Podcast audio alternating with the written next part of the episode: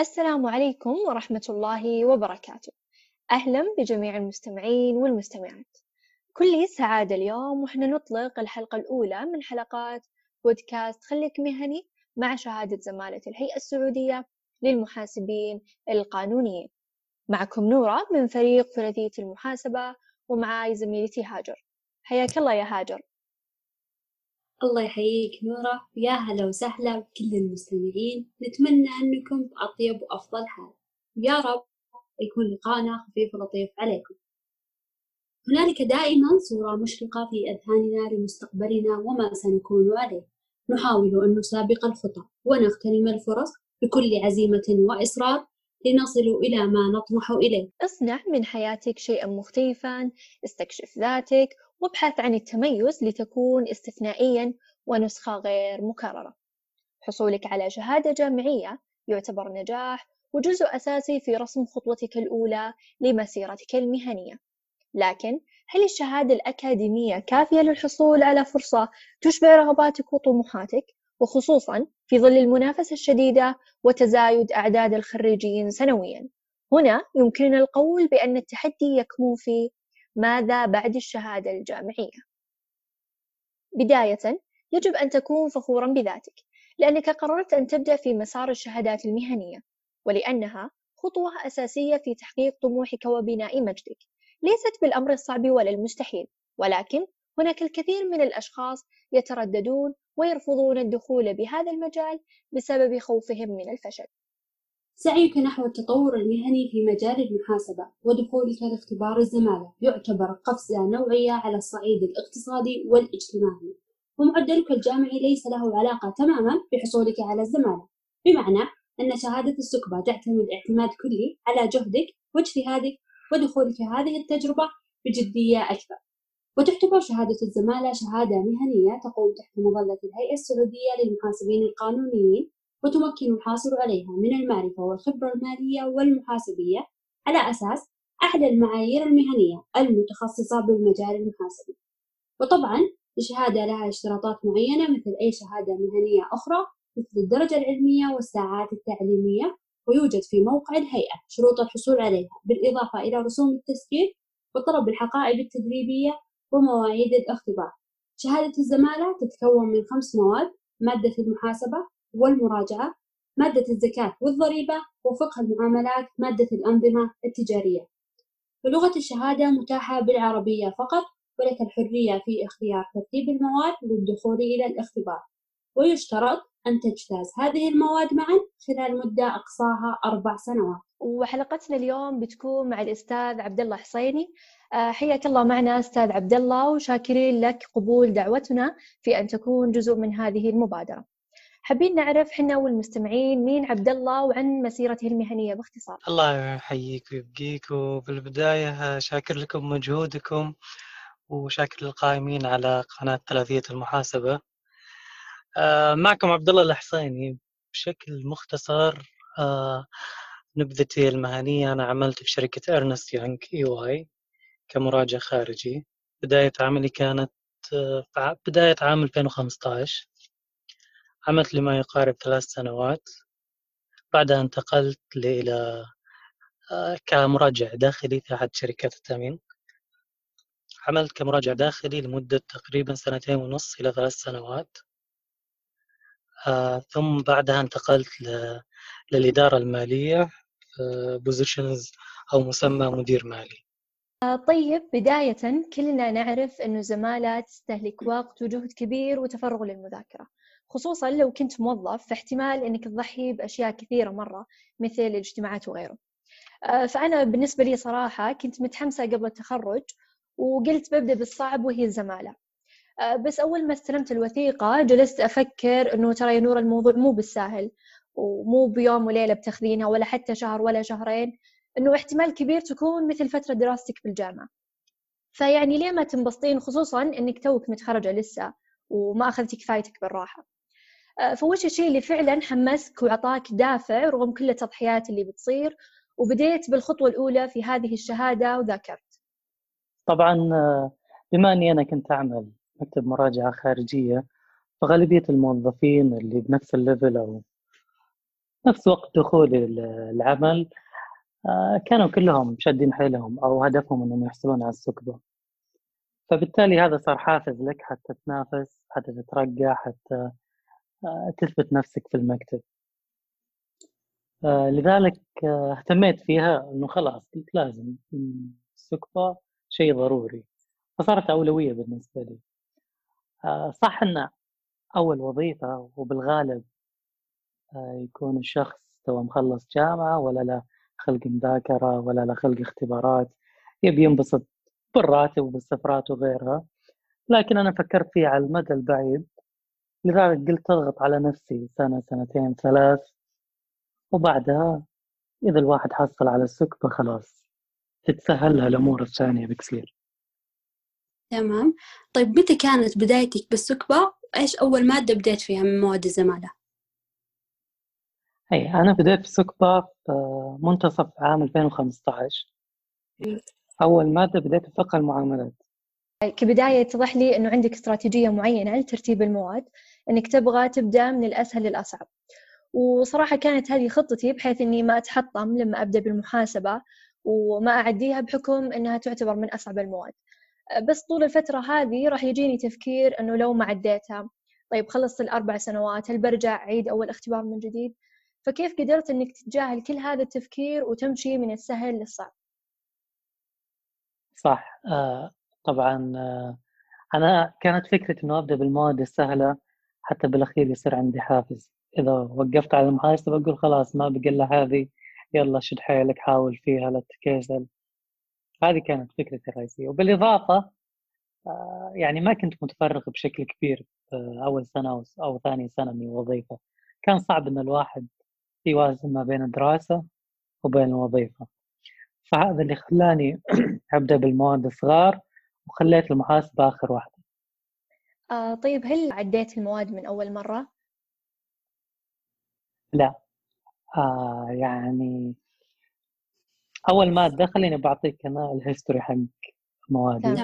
أول مادة بديت فيها فقه المعاملات واجتزتها طبعا كانت في عام 2015 آه، منتصفة أو نهايته المادة الثانية الأنظمة التجارية ولا اجتزتها ثم في الفترة اللي بعدها أخذت نفس المادة الأنظمة التجارية واجتزتها الحمد لله. آه بعدها أخذت المراجعة ثم الزكاة واجتزتهم من مرة واحدة. طبعا المراجعة والزكاة آه لازم لازم دورة يعني حتى الواحد آه يريح نفسه ويجتازها من أول مرة. ثم بديت بالمحاسبة. آه، المحاسبة هي اللي طولت فيها. يعني أخذتها خمس مرات. وكانت نتائجي يعني بالأول ما كانت ما كانت محفزة أبدا. على أني كنت ماخذ دورات وكذا لكن يعني أول اختبار جبت فيه تقريبا 32 وأنا مس... وأنا على أساس إني مستعد له كويس من ناحية دورات داخل دورة. أي وإجازات وكذا. جبتها 32 ف طيب. قعدتها طيب. مرة ثانية وثالثة. المرة الثانية برضو ما كانت النتيجة اللي أخذتها عالية كانت تقريبا 41 والثالثة تقريبا 55 والرابعة 53 ثم السادسة يعني جبت 60 الحمد لله. طيب آه، ممكن أعرف ردة فعلك لما عرفت أنك ما جلست الاختبار أول مرة سواء مادة الأنظمة التجارية أو مادة المحاسبة وكيف قدرت أصلا تتجاوز هذه المرحلة ورجعت تذاكر من جديد خصوصا مادة المحاسبة يعني. أي طبعا الأنظمة التجارية أحبط قلت يعني هذه هي السهلة وعلى أساس إني أنا بادي فيها وكذا وما عديتها فأحبطت نوعا ما. بس آه، تمام. يعني هي مجهود تقريبا أسبوعين هذول المواد الصغار والواحد يخلصهم المحاسبة آه، يعني كنت حاطة ببالي إنه مرة مرتين خلاص هذه شيء مسلم إني راح أعيدها مرة ولا مرتين. على إني يعني كنت أحاول وأضغط على نفسي بس أساسا من تطلع من الاختبار وأنت تكون عارف أنت ناجح ولا لا. فخلال الشهر الوقت انتظارك للنتيجة كل هذا يعني تحاول تهيئ نفسك للنتيجة. يعني حتى في بعض المراحل إنه خلاص قبل لا تطلع النتيجة أكون قاعد أذاكر لها مرة ثانية. آه طيب لما رجعت تذاكر من جديد آه، وش اللي تحس تغير عليك إنه هل المشكلة كانت بطريقتك للمذاكرة آه، أو إنه تخطيطك لاختيار الوقت كان غلط؟ آه، في المواد أو المرة الأولى اللي اختبرت فيها هو كان فعلا توقيت خاطئ جدا يعني كان في أشياء كثيرة في العمل وما أدري كيف صعب إنه يعني ضغط نفسك. اعطيه إي صعب إني أعطيها أولوية. آه لكن يعني في آخر ثلاث اختبارات اللي كانت تقريبا نتيجة مقاربة للنجاح 55 واحدة. آه هنا فيه أكثر من موضوع ما كنت مغطيه بشكل كامل. أو أغطيه وبعدين إذا جاء الاختبار ما أدري وش يصير لي تطير المعلومات. فبالاختبار الأخير قررت خلاص يعني يا أنا يا الموضوع هذا يا أتقنه يا يا خلاص. والحمد لله استزدت طيب تشوف إنه حقائب الهيئة التدريبية كانت كافية عشان تعدل المواد وإذا لا إيش المصادر اللي أنت استعنت فيها؟ لكل مادة. الحقيقة أنا ما اطلعت على حقائب الهيئة ماده المحاسبة ولا مادة المراجعة ولا مادة الزكاه والضريبه فقط فقه المعاملات والأمم التجارية هي اللي استخدمت فيهم حقائب الهيئة أما الباقي آه، كنت ماخذ دورات وفقط أعتمد على المناهج اللي يعطوني في الدورة. يعني أنت من الناس اللي يشوفون الدورات ضرورية؟ أي عشان تختصر الجهد أي آه طيب آه أكيد أنه طبيعي آه أنه استعدادك الوقت آه تجهيز استعدادك بالوقت وتجهيز وتجهيزك للمادة آه راح يعتمد على وقت تفرغك وقدراتك. بس الأكيد إنه الواحد يحب يسمع تجارب غيره علشان يبني تجربته على أساس واضح. آه، فكيف كان تقسيمك للوقت آه، خلال دراستك للزمالة؟ صحيح الوقت يعني هو العامل المهم حتى تاخذ سكبة لازم تحتاج وقت تحتاج تفرغ نفسك. فيعني أنا أذكر تقريبا أول أربع سنوات أو ثلاث سنوات من عملي يعني أغلب إجازاتي اللي أخذها من رصيدي الخاص بغض النظر عن إجازة الدراسة كانت بخصوص سكبة آه، ف اي فمثلا مادة المحاسبة يحتاج لها استعداد ما يقارب شهرين أو ثلاث شهور. المواد الثانية أقل بشكل كبير. مثلا الأنظمة وفقه المعاملات هذه ما تحتاج ذاك الوقت. يعني ساعتين ثلاث ساعات باليوم حتى لو كان لو كنت ما أنت متفرغ ساعة break الغداء أو ساعتين بعد الدوام وتخلصها بأسبوعين. بس المحاسبة هي اللي critical يعني هل كنت تذاكر يعني طوال اليوم أو محدد ساعات معينة للمذاكرة خصوصا أنه شهرين فمدري أنا أسمع أنه أقل شيء بالكثير ثلاثة شهور. فما أدري كيف صحيح. شهرين قدرت أنك تقسم وقتك. صحيح. طبعا أنا شهرين لأني قعدتها أكثر من مرة وأخذت أكثر من دورة فبالتالي صرت مركز جهدي في نقاط معينة. أيوة كنت مركز جهدي في النقاط اللي أنا متأكد إني عندي ضعف فيها. وكنت يعني آه، في الدوام. إذا كان في وقت أفتح لي ولا أحل تمارين آه، في المساء برضو غالبا تكون تمارين. آه، إذا كان الواحد في كامل نشاطه كذا يعني مثلا في بداية الصباح ولا العصر يكون في مجال إنه يطلع على المعايير نفسها أو أو النصوص اللي في الحقيبة بغض النظر عن التمارين والاختبارات السابقة. لأن التمارين يعني حتى لو كنت ما أنت بكامل تركيزك بتحلها بكذا بتنشط شوي. بس إذا صرت ما أنت بكامل تركيزك وقاعد تقرأ لك نص معيار ولا كذا ما راح تفهم شيء وبتضرب نفسيتك. تمام. طيب بنطلع من المواد وبنتكلم بشكل عام عن فكرة شهادة السكبة. في فكرة منتشرة أنه زمانها مرتبطة بمكاتب المراجعة وأن أي أحد حاصل على السكبة لازم يكون مراجع خارجي. هل هذه الفكرة صح ولا لا؟ لا الحقيقة ما أتفق أبدا. آه، يعني الفكرة من السكبة أنها تثبت أهليتك وتثبت معرفتك وتثبت قدراتك من ناحية المحاسبة. فأي مكان بتعمل فيه كمحاسب إذا صار عندك سكبة خلاص هذا تمثل اعتماد. انك آه، يعني جدير جدير بال سواء بالترقيات أو كمرجع من ناحية المعرفة. أو هل هي مفيدة بالنسبة للقطاع العام أو يعني مقتصرة على القطاع الخاص؟ لا مفيدة بشكل كبير خصوصا مع التغيرات اللي جالسة تصير الآن بالهيئات في القطاع الحكومي من ناحية المحاسبة. يعني أول كانوا يعتمدون المحاسبة على أساس النقد الآن متحولين للاستحقاق. فبالتالي مهمة بشكل كبير. تمام. مثل الزكاة والضريبة والأنظمة التجارية والمحاسبة برضو. كلها داخلة في القطاع العام بشكل كبير. آه، تمام. طيب السكبة آه، لها قيمة بالسوق وهذا الشيء ما يختلف عليه.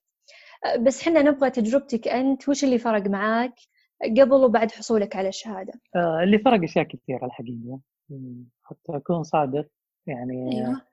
أنا الآن المدير المالي التنفيذي في شركة مساهمة وعمري ما تجاوز 30 سنة. ما شاء الله. يعني الحمد لله بتوفيق الله لكن أحد الأسباب حصولي هو على الشهادات المهنية. فصح أنك بتضغط نفسك سنة سنتين ثلاثة عشان شهادة لكنها بتختصر لك سنوات. وقت. سنوات آه، حتى توصل للل level اللي أنت تبيه. فهذه يعني. أحد أهم الأشياء بالنسبة لي.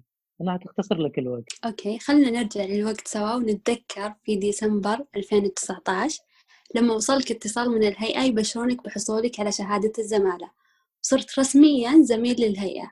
وش كان شعورك وقتها وخصوصا بعد ما عدت المحاسبة خمس مرات؟ آه، طبعا وش كانت المشكلة في ذاك الوقت؟ أنا ما اتصلوا لي أنا ارسلوا لي أفا. رسالة.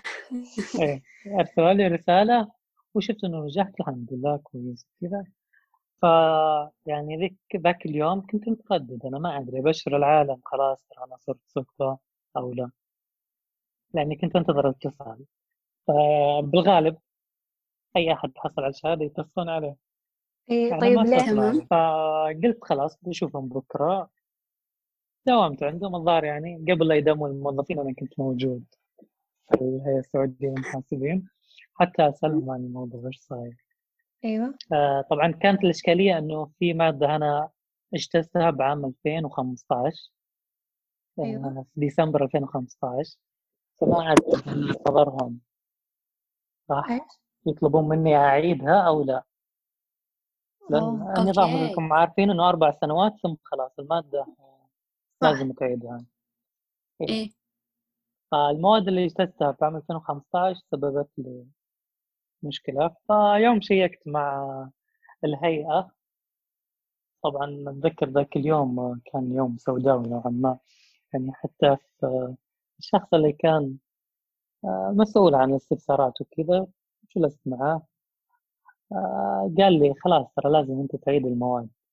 اللي أوه. اجتزتهم بعام 2015 لازم تعيدها أوه.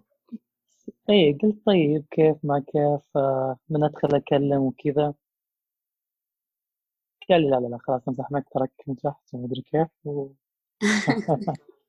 اي فكانت دعابته شوية ما هي بوقتها لكن إيه لكن تق- تقبلتها بالأخير. اي عاد طلبت منه قلت خلاص يعني يعني أنت- يتصلون علي عشان أتأكد وارتاح. اي وبعدها خلاص طلعت اختبار. اي آخر اختبار لك بالمحاسبة كنت ضامن النجاح ولا كنت متخوف شوي من الموضوع؟ آه لا والله كنت متخوف. صعب الواحد يغلط. يعني أنا جبت 60 60 لا أقل ولا أعلى بدرجة. إيه. الحمد لله. آه، طيب آه، أكيد إنه في كثير يسمعنا وعنده فكرة سلبية عن مادة المحاسبة. وصراحة أنا من ضمنهم يعني مرة متخوفة إني أبدأ فيها ما أبغى أفشل. فيعني رسالتك توجهها لأي شخص يعني خايف إنه يبدأ بالمحاسبة. بما إنك يعني خبرة ب- بإعادة المادة يعني. إي أنا صرت خبير بالفشل يعني بالمحاسبة. هو الحقيقة يعني بأسوأ الحالات حتى لو ما اجتزتها حتى لو ما حصلت على السكبة بأسوأ الحالات.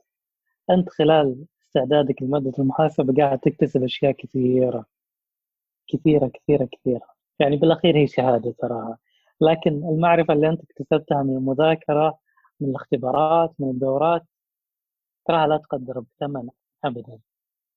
حتى لو ما حصلت على السكبة وانت راح تحصل عليها يعني اللي آه اللي يستعد لها كويس راح يحصل يحصل عليها. اللي اجتازوا المواد اللي اجتازوا مادة المحاسبة قبلك آه تراهم ما يفرقون عنك بأي شيء أبدا. بالعكس فقط حاولوا مرة مرتين ثلاث أربع خمس ونجحوا. فيعني نصيحتي حاول أكثر من مرة لا تيأس. حتى لو ما نجحت فيها ترى أنت بالأخير قاعد تكتسب تكتسب معرفة ما هي طبيعية. آه وبتفرق معك تفرق معك يوم بعد يوم سنة بعد سنة بوظيفتك راح آه راح تفرق معك بشكل كبير. طيب رغم اللي صار كله يعني الحمد لله اللي بلغك هذه اللحظة وإحساسك بلذة النجاح أكيد نساك التعب اللي فات. آه، فخورين فيك حقيقة وبوصولك هذه لهذه المرحلة. ومن نجاح النجاح دائما يا رب. وعسى الله يبلغنا ويبلغ كل المستمعين بطموحاتهم وأهدافهم ويحقق لهم ما يتمنون. وتذكروا دائما مقولة عمر بن عبد العزيز لو أن الناس كلما استصعبوا أمرا تركوه ما قام للناس دنيا لا دنيا ولا دين. كلما كانت التحديات اللي نواجهها أكبر كانت فرحتنا بالنجاح أعظم وأعظم. والأكيد أنه ما في شخص يحب المذاكرة أو يستهوي بترك الأشياء الترفيهية ويقفل على نفسه وينعزل عن الناس. بس حنا جل كلنا جالسين نسعى للنجاح اللي حنا نطمح له وأنه عندنا غاية ولازم نبدأ ونحققها. أه صراحة الوقت مر علينا بسرعة كنا مستمتعين معاك أستاذ عبد الله. وإن شاء الله اللقاء يكون مفيد لكل شخص كان يبحث عن إجابة لأسئلة معينة. نشوفكم على خير وانتظرونا مع شهادة مهنية جديدة.